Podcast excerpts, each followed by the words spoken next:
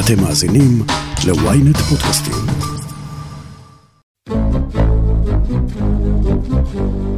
לכל שבת יש מוצאי שבת, ולכל הפגנה יש את הבוקר שאחריה, שבו יש כבר מסורת של ויכוח טפל, אבל מסעיר, כמה מפגינים הגיעו. המארגנים תמיד קצת מגזימים, והמתנגדים תמיד קצת מקטינים. פעם, בהפגנות של מועצת יש"ע, היו אומרים על הבמה משפט שכבר הפך לבדיחה קבועה. יש כאן רבבות בני אדם, ואוטובוסים מפוצצים באנשים תקועים בדרך. אבל בשנים האחרונות נכנסה טכנולוגיה לכל הסיפור הזה. אז איך מודדים כמה הגיעו להפגנה? ולמה המשטרה בורחת מהדיון? אני ישי שנרב, וזאת הכותרת.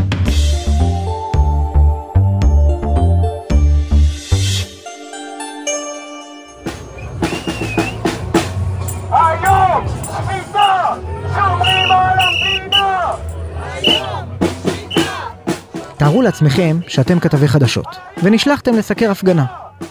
מתקשר אליכם העורך, ומבקש תשובה לשאלה פשוטה. כמה משתתפים יש בהפגנה? עשרות, מאות, אלפים, רבבות? באיזה מילה נכון להשתמש? כשזה 100 איש, 200 איש זה קל. כשאנחנו מדברים על עשרות אלפי אנשים, אז אתה כבר לא יכול להעריך מהבטן. זה עופר גרינבוים לירון, מנכ"ל חברת קראוד סולושנס ומומחה בניהול תנועת קהל. וגם אני, עם כל הניסיון שלי, בסוף אני יושב עם טבלאות ועם המודלים ומכניס נתונים, ורק אז אני מקבל את התוצאה. אני לא מעז להעריך ככה על פי כיוון הרוח את המספרים, עד שאני לא מכניס את הנתונים לתוך המודלים ומקבל תוצאה שהיא תוצאה בסוף מתמטית. את התחום הזה למדתי ב- באנגליה, תואר שני ב-Crowd Management, והמתודה שאני משתמש בה היא מתודה מקובלת בעולם. זה ממש תואר אקדמי שנקרא Crowd Management? Crowd Management and Risk Analysis, כן. זה שילוב של אה, הנדסה, מתמטיקה ופסיכולוגיה. השיטות האלה לקוחות ממודלים של ניהול המונים בכלל. הסיפור של הערכת קהל הוא רק חלק קטן מזה. אבל מה לעשות, אנחנו בימים של הערכת קהל. ביום שני שעבר הייתה הפגנה גדולה בירושלים. מסמל את הזבורה! הממשלה... כמה גדולה? ארגוני המחאה הוציאו הודעה לפיה הגיעו לפחות 135 אלף איש מול הכנסת. בשבוע שלפניו הם דיברו אפילו על 300 אלף. אבל עופר מקראוד סולושנס ערך בדיקה עבור חדשות 13 והגיע למספרים אחרים לחלוטין. 75 אלף ברגע השיא בהפגנה בשני שעבר וכ-120 אלף בשני שלפניו. איך מחשבים דבר כזה? יש בגדול שתי שיטות טכנולוגיות. אחת זה על ידי אה, מצלמה, לא משנה אם זה מצלמה סטטית או אה, מצלמה על ידי רחפן, שבאה ומנתחת את התמונה, ובעצם סופרת את האנשים. ברגע שהתמונה לא באיכות מספיק גבוהה, או שהצפיפות היא מעל 4 אנשים למטר מרובע, אז אה, היא מתקשה לספור את אה, כמות האנשים באופן מדויק. טכנולוגיה אחרת זה טכנולוגיית RF, כמו אה, רדאר, שבעצם אה, מודד את הנפח שנתפס בתא השטח ביחס לסך הכל הנפח, מחלק בנפח ממוצע של אדם, ובעצם יודע להגיד פחות או יותר בדיוק יחסית גבוה את כמות האנשים. העניין הוא שזו מערכת לא זולה, והיא דורשת היערכות אה, מיוחדת. צריך מישהו שישלם על זה ויעשה את זה. הסיפור הוא שאף אחת מהשיטות האלה לא מתבצעות כרגע בהפגנות, לא בקפלן, לא בירושלים, ולכן נותר לנו להעריך את כמות הקהל בשיטה של הערכת צפיפויות. אז אם הבנתי אותך, הטכנולוגיות המשוכללות יותר לא יכולות לעזור לנו. אם צפוף מדי או שיש הרבה דגלים, המצלמות מפספסות, והרדאר זה משהו יקר מדי שדורש היערכות. אז נשארנו עם מה שאתה קראת לו הערכת צפיפויות. מה אתה עושה עם הקסם הזה? מה שאני עושה, אני לוקח את uh, תמונות הרחפן, בעצם אני דואג שיהיה רחפן שיצלם את כל שטח ההפגנה, שיכיל את כל המפגינים, ואני משווה את התמונה הזאת לניתוח שטח שביצעתי מבעוד מועד, חילקתי את השטח לתתי שטח לפוליגונים. פוליגון, אתם תשמעו את המילה הזאת הרבה פעמים בפרק. זה אומר תא שטח, כלומר חתיכה מתוך השטח הגדול שעליו מתקיימת ההפגנה. שכל פוליגון הערכתי מבעוד מועד מה תהיה הצפיפות, אני משווה את התמונה בזמן אמת להדמיה של צפיפות שביצעתי מבעוד מועד, ובעצם ככה אני יודע להעריך ברמה מאוד מדויקת את הצפיפות בכל תא שטח, מכפיל בגודל השטח וסוכם את התוצאות, ואני יודע לה, להגיע לסטייה של עד חמישה אחוז מהתוצאה האמיתית. זו שיטה שנהוגה, דרך אגב, בהרבה מקומות בעולם. אני רוצה עופר שתנסה להסביר לנו דרך הדוגמה של ההפגנה בירושלים בשני שעבר. אתה הערכת שבשעת השיא, שלוש ורבע, היו 75 אלף איש. איך הגעתם למספר הזה?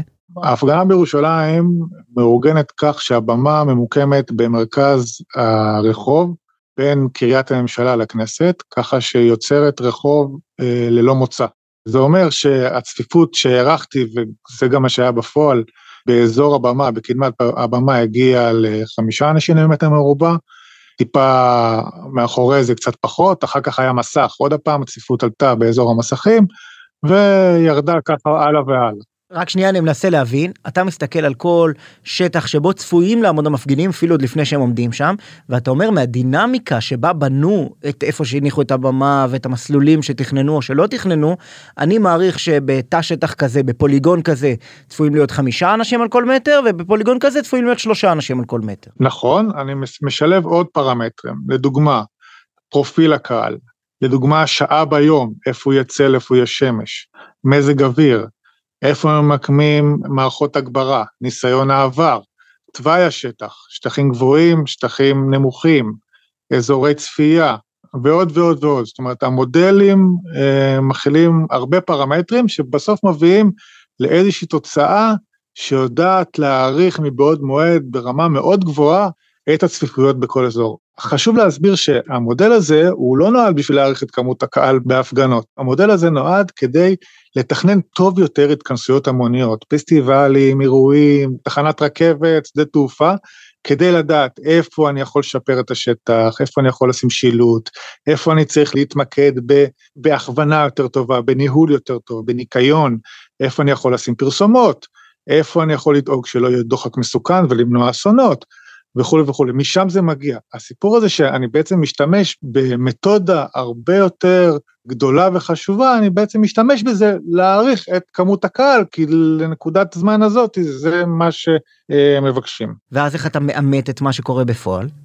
אני לוקח את תמונת הרחפן שצולמה אה, בזמן אמת ומשווה את התמונה, בעצם מה שאני רואה, את הצפיפות שאני רואה בזמן אמת, להערכה שלי, או להדמיות צפיפות ברמות השונות, ויודע להגיד, אוקיי, בפוליגון A1 או A2, אני רואה עכשיו שהצפיפות היא 4.5, 5, 4, 3, מכפיל את זה במטרז' של אותו פוליגון, ואז אני יודע שבעוד כמה אנשים יש בכל תא שטח. מה זה רואה? אתה סופר מטר מרובע עם העיניים שלך? לא, לא, לא, אני משווה, בסוף עומדת מולי מניפה של הדמיות של צפיפויות שונות. בעצם אני רואה מולי תמונה של צפיפות אנשים. אני משווה את תמונת הצפיפות בלייב להדמיה. אני עושה התאמה ביניהם, ואם אני רואה שההתאמה היא לצפיפות ששווה אדם למטר מרובע, 2, 1.5, 3, 4, 5, 6, 7, זה הצפיפות שבעצם אני מחשב. אז השיטה היא בסוף די פרימיטיבית, אם אפשר לקרוא לזה ככה. מחלקים לריבועים, פוליגונים, נותנים תחזית כמה אנשים יהיו בכל מטר, ואחר כך, בזמן ההפגנה, איש מקצוע מנוסה מסתכל בצילומים, משווה למצב בפועל, ונותן סכום. אני מנסה לחשוב על כל מיני הפגנות בעבר. למשל, כשאמרו 400 אלף בכיכר רבין, בסברה ושתילה.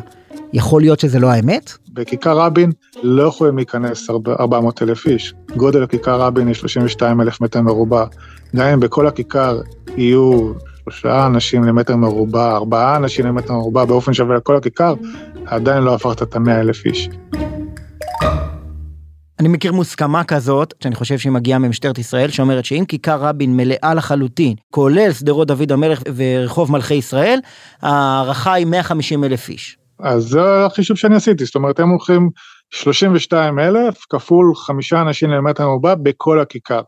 שזה מאוד צפוף בכל הכיכר, זה מאוד קשה. אני מאמין שבמקרים כאלה ההתכנסות תזלוג גם מעבר לרחובות הנוספים. תמיד בהתכנסויות המוניות, הצפיפויות הן לא זהות מאזור לאזור. הקהל תמיד רוצה להגיע למוקדי עניין, זאת אומרת, תמיד ליד הבמה, ליד המסכים, ליד הרמקולים, הצפיפות תהיה גבוהה יותר, ובאזורים שאין אה, חוזי אל מוקד העניין, זאת אומרת אין שטח שהם לא שטחי צפייה או לא שומעים שם טוב, אז אה, הצפיפות תהיה נמוכה יותר. עכשיו אני יכול להגיד, ניקח את ההפגנה בירושלים או את ההפגנות בקפלן, אנחנו רואים פערים מאדם לארבע מטר מרובע, עד חמישה ושישה אנשים למטר מרובע, זאת אומרת ממש הבדלים גדולים בין הצפיפויות. לכן לבוא ולהגיד עכשיו, על כל שטח ההפגנה היה בממוצע שלושה אנשים או ארבעה אנשים, זה פשוט הנחה לא נכונה ומטעה, כי זה דבר שהוא אף פעם לא קורה. אם תיקח הופעה של, אה, הופעה של אומן מול במה, שבפארק הירקון, אפשר לך, מוכרים 50 אלף כרטיסים, הרי ברור שלא כל ה-50 אלף יתפזרו באופן שווה על כל, אה, על כל האמפי, על כל הפארק. רובם יהיו קרובים ככל הניתן לאזור הבמה, וכל האזור האחורי של האמפי הוא תמיד נראה ריק, אז מה? זה אומר שהיה אפשר להכניס יותר אנשים? לא, כי על פי הרישוי מותר להכניס עד אדם למטר מרובע, אבל בפועל אנחנו מגיעים לצפיפות ליד הבמה של חמישה, שישה, אפילו שבעה אנשים למטר מרובע. עופר גרינבוים לירון, מומחה לניהול תנועת קהל, חברת קראוד סולושנס. תחום מרתק, תודה רבה. תודה לך.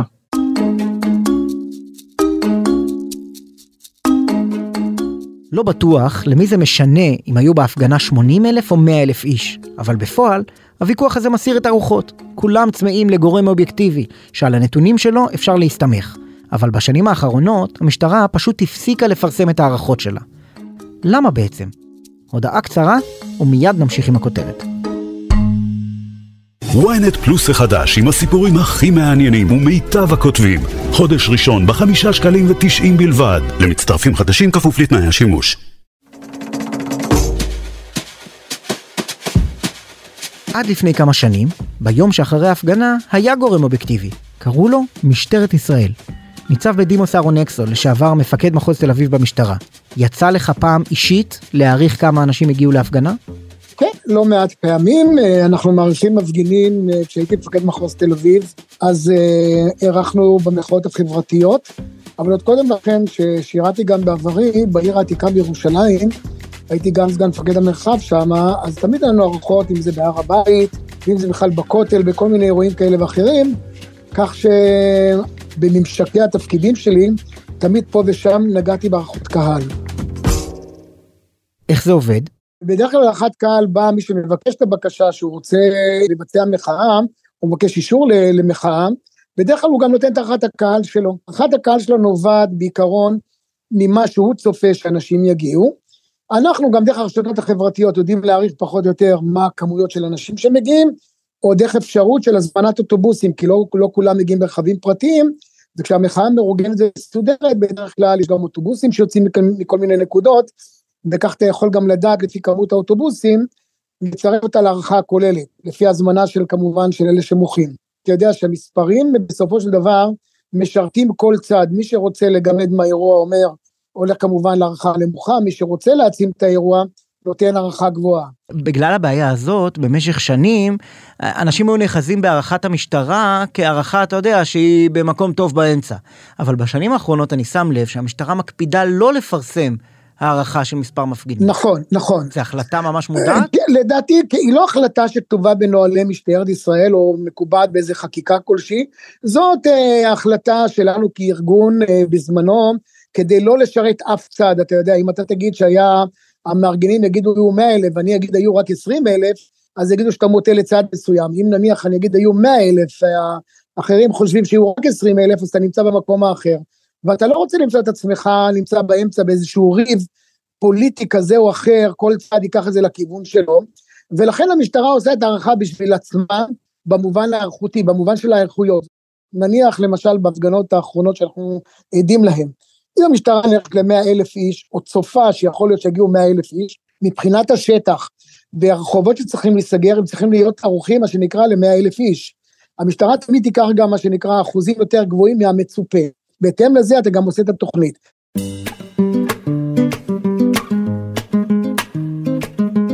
הזכרת קודם אה, שימוש גם ברשתות חברתיות, המשטרה יודעת, יש לה ממש כלים מודיעיניים שהיא יכולה להשתמש בהם כדי להעריך כמה אנשים עומדים להגיע להפגנה מסוימת? לא, בדרך כלל זה לא כלים מודיעיניים, אנחנו יכולים דרך אגב דרך פלאפונים. אם אני כן רק למשל לדוגמה, אה, ניקח את הבימה כמודל, כדוגמה איך העסק יכול להתבצע. אתה יכול לבוא ולהגיד, נניח בשעה ארבע, אני, אני בודק על פי הפוליגון המקומי, כמה פלאפונים נמצאים במקום. צריך לזכור שהפוליגון נותן לי גם אנשים שלא קשורים למחאה, אנשים שגרים באזור, אנשים שסתם עוברים במקום עצמו. אבל בוא נניח לצורך הדוגמה, נניח שקבעתי בפוליגון בשעה ארבע אחר הצהריים, יש 20 אלף איש לפי הפוליגון של הפלאפונים. הגיע שמונה בערב וראינו בפוליגון של הפלאפונים, נניח פתאום אנחנו רואים 100 אלף איש, בסדר? זאת אומרת שגדלנו ב-80 אלף איש מה-20 אלף איש שצפינו בשעה ארבע. אז זה נכון שגם אם אני יורד את ה-20 אלף איש, עדיין אני עומד על 80 אלף איש שלכאורה נמצאים באזור הבימה רבתי. אז זה למשל הערכת קהל שאני יכול לקבל כערכת קהל, ולהגיד היו 80 אלף איש פה באזור הזה. זה נשמע לי די מדעי, מפתיע שהמשטרה הפסיקה לפרסם את המספרים. אה, אתה יודע, שיכעסו שיכעסו, אבל אם, אם זו אמת, או זה משקף קרוב אל האמת, למה לא לפרסם את זה?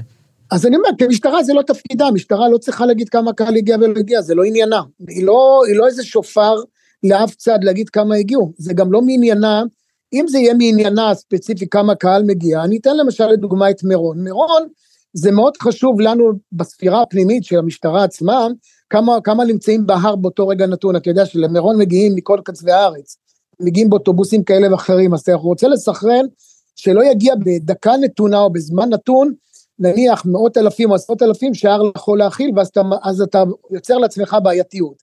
אגב, עולה השאלה אם זה בכלל משנה כמות של מפגינים. אם יש 80 או 100 אלף או 50 אלף, זה משנה משהו באפקט שההפגנה עושה?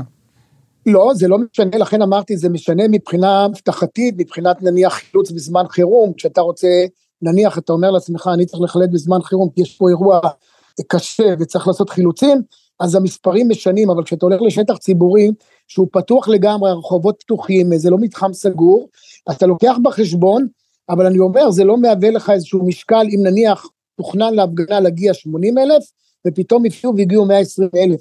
זה לא ישנה את המהות, המשטרה לא תעצור ב-80 אלף ותגיד ל-40 אלף, אתם לא יכולים להיכנס להפגנה, כי הצפי היה רק 80, או כי המארגנים אמרו יגיעו רק 80.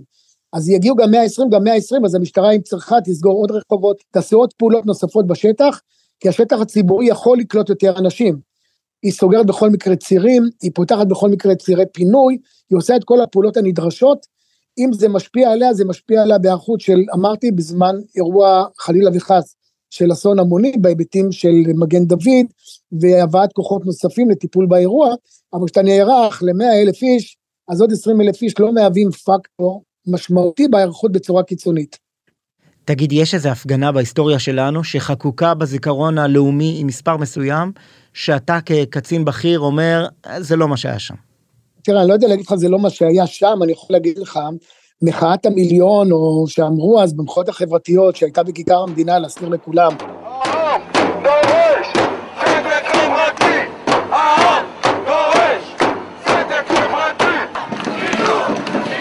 היום כיכר המדינה היא כבר בשיפוצים, אבל פעם זה היה כיכר, אה, כיכר גדולה, זה לא היה בכיכר רבין, אז כל רחובותיה, אז אמרו הפגנת המיליון, לא היו שם המיליון, היו, אפשר להעריך של בין 200 ל-300 איש, אני מדבר, כשאתה אומר על הכיכר, היא לא רק הכיכר, זה כל המבואות והרחובות שמובילים אליה, כן? בסוף זה לא רק הכיכר בפני עצמה.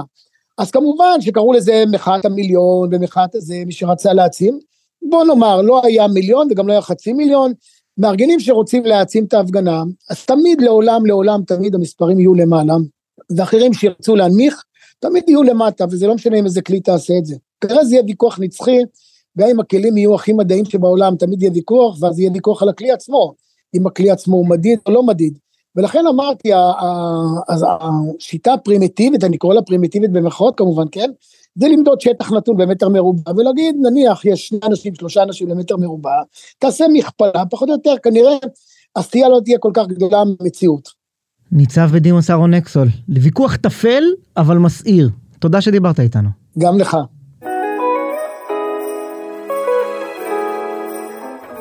עד כאן הכותרת להפעם. אתם מוזמנים לעקוב אחרינו בוויינט רדיו, באפליקציה, בנייד, ברכב או איפה שאתם שומעים את הפודקאסטים שלכם.